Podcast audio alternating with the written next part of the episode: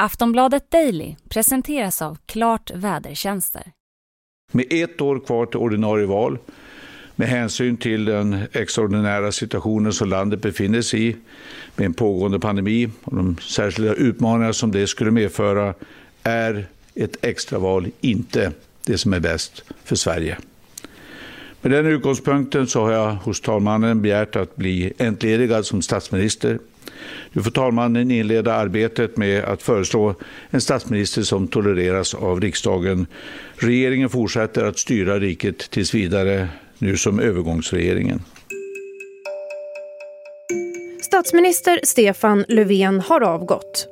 Regeringskrisen har tagit en ny vändning och nu ligger bollen hos talman Andreas Norlén. Det kommer att bli talmansrundor som innebär att talmannen ska kolla hur läget ser ut och föreslå ett nytt styre som kan accepteras i riksdagen. Regeringskaoset går vidare. Men vänta nu här.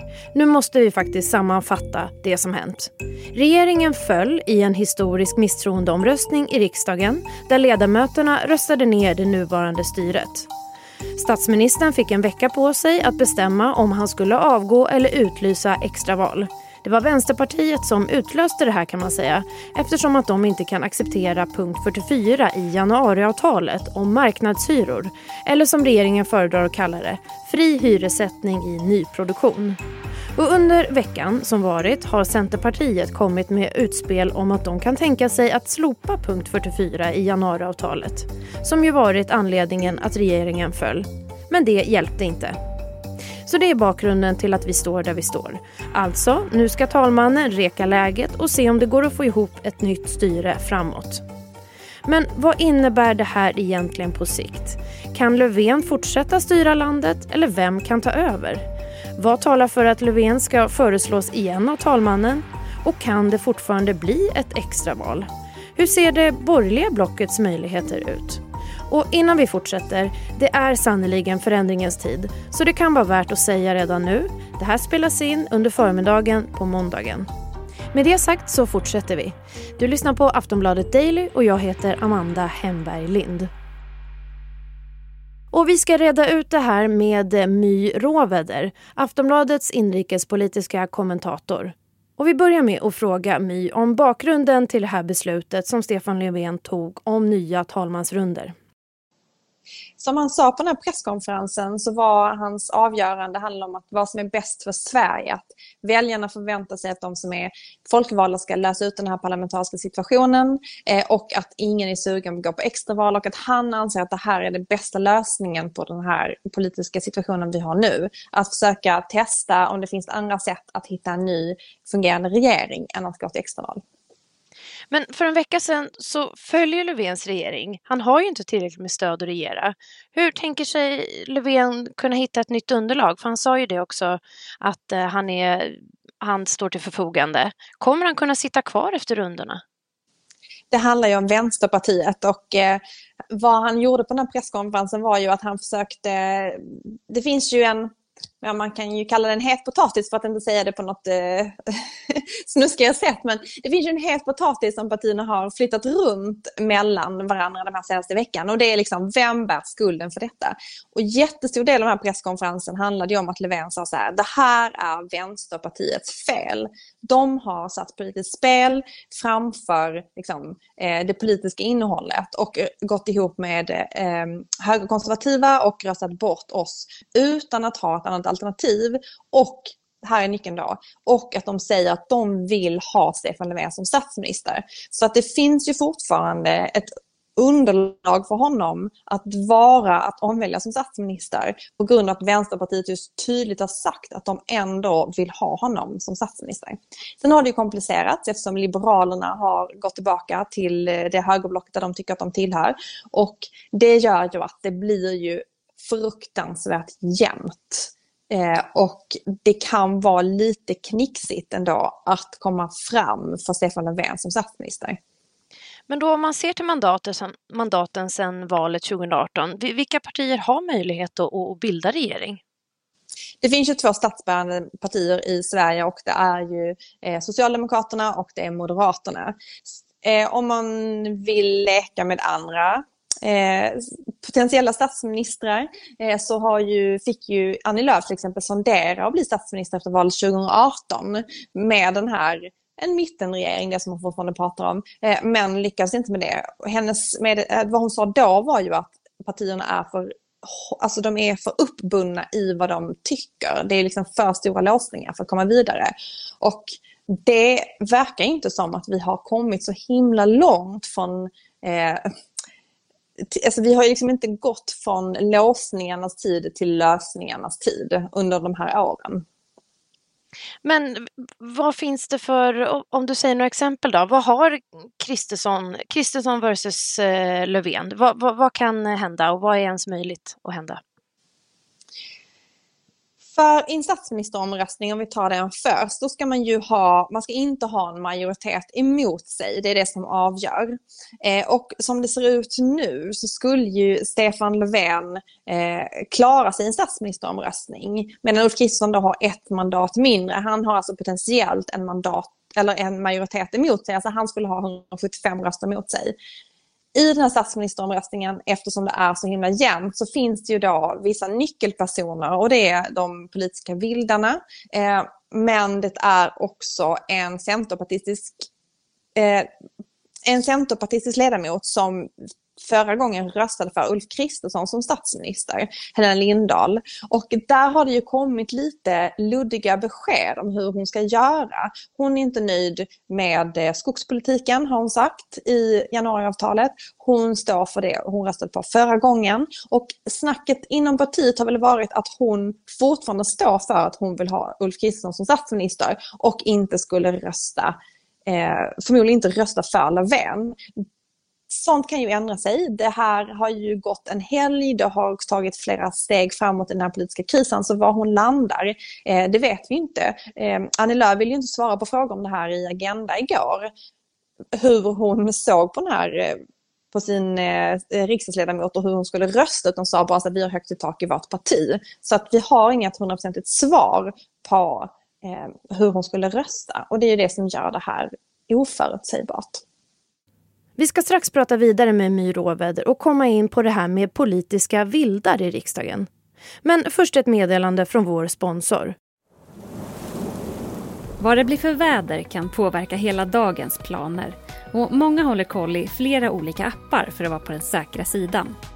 Men med Klart kan du jämföra prognoser från tre olika vädertjänster på ett och samma ställe, berättar Mikael Sjöstrand, meteorolog på Klart. Vädret i Sverige skiftar ju och väderprognoserna kan vara olika för olika väderinstitut. Så genom att använda jämförelsefunktionen kan du få en lättförståelig sannolikhetsfördelning för vilket väder som det blir hos dig. I Klart-appen kan du också se badväder, pollenprognoser och mycket mer. Du hittar den där appar finns.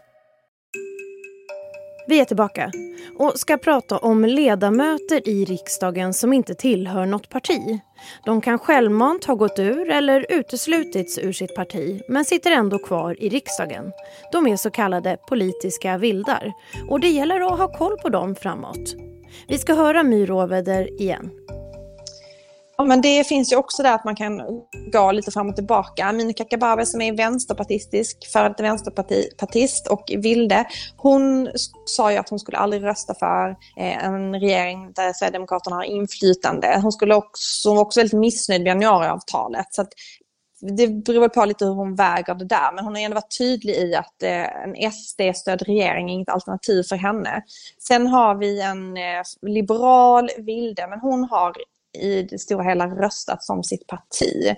Och sen beror det väl lite på hur lång tid den här processen drar ut för att hon ska då ersättas. Eh, hon slutar nu den 31 juli tror jag. Eh, eller om det var juni. Men hon slutar nu under sommaren och hon ska ersättas av en annan ledamot som, som jag förstår det är liksom mycket mer partitrogen. Eh, det var hon ju också i och för sig, men som är väldigt partitrogen. Så att den, henne, eller den alltså den rösten kan man nog ändå räkna till Ulf Kristersson. En övergångsregering då som det blir nu, vad innebär det? En övergångsregering handlar ju väldigt mycket om praxis. För på pappret, det finns ett väldigt litet tunt dokument på bara några sidor som beskriver eh, vad en övergångsregering har för mandat. Och egentligen är det bara att utlysa extraval som de inte får göra. Allt annat får de göra. Sen finns det en praxis som säger att man inte ska ta politiskt kontroversiella förslag och att man också ska försök att förankra de beslut man tar mycket, mycket bredare i riksdagen just för att man då liksom egentligen inte, för att man är en övergångsregering. Sen så har vi ju styrt med en övergångsregering i fyra månader. Ehm, Eh, redan efter valet 2018, eller om det var tre månader. Eh, och då så tolkade ju den här eh, Löfven 1, regeringen som då styrde övergångsregering, de tolkade den här väldigt strikt, den här praxisen. Man la i stort sett fram en budget som var eh, samma budget som man hade lagt fram tidigare för att liksom inte ta några beslut alls. Så det handlar ju om vad man, hur man ser på den politiska situationen och vilka politiska beslut som krävs. För utrymmet finns. Det handlar om hur man, liksom, hur man själv tolkar det utrymmet. Nu framåt då. Talmannen har fyra försök på sig här nu under rundorna. Kan man säga någonting om hur lång tid det här kan ta? Kanske inte 134 dagar igen, eller? Jag tror att alla var överens om att 134 dagar var för långt. Det var för många dagar. Eh, och den som var allra mest överens om detta var ju Andreas Norlén själv. Han fick kritik under processen och han tog den till sig sa han och han tyckte att det hade gett dem lite för lång tid. Jag lyssnade precis på en, eh, en statsvetarprofessor, Jan Theorell, som skrev den här boken som heter 134 dagar om regeringsbildningen och vad vi har lärt oss. Eh, Slutsatsen är väl egentligen att partierna inte har lärt sig jättemycket för det handlade om att problemet var låsningar och låsningar sitter ju de partierna fortfarande kvar i. Men han sa då att eh, det skulle kunna ske på speed dating takt på två veckor. Eh, men de, måste också, de som blir statsministerkandidater måste också ha rimlig tid att sondera vad de skulle kunna, hur deras underlag ser ut. Så att någon vecka skulle man väl kunna tänka sig att det skulle kunna ta i så fall. Och sen om det inte lyckas då, då blir det ju ändå ett extraval inom tre månader. Om, vi tar, om du tar oss tillbaka lite till 2018 då, förra talmansrundorna. Eh, du satte ju igenom många presskonferenser då. Fanns det någon snackis, någonting som väckte stort engagemang då du kan dela med dig av? Det tog ju väldigt lång tid och det är, jag tänker att människor söker någon slags lägereld i sådana här, såna här tillfällen. Och det som vi det pratade väldigt mycket om det var det här med fikan. Alltså hur mycket kan man fika? Är det nyttigt att fika så här mycket? Vad är det för kakor man får äta? Andreas Norlén verkar också ha någon slags eh, eh, dragning till väldigt eh, matiga bakverk. Typ så här, dammsugare, biskvier. Stefan Löfven klagade på att han inte fick finska pinnar.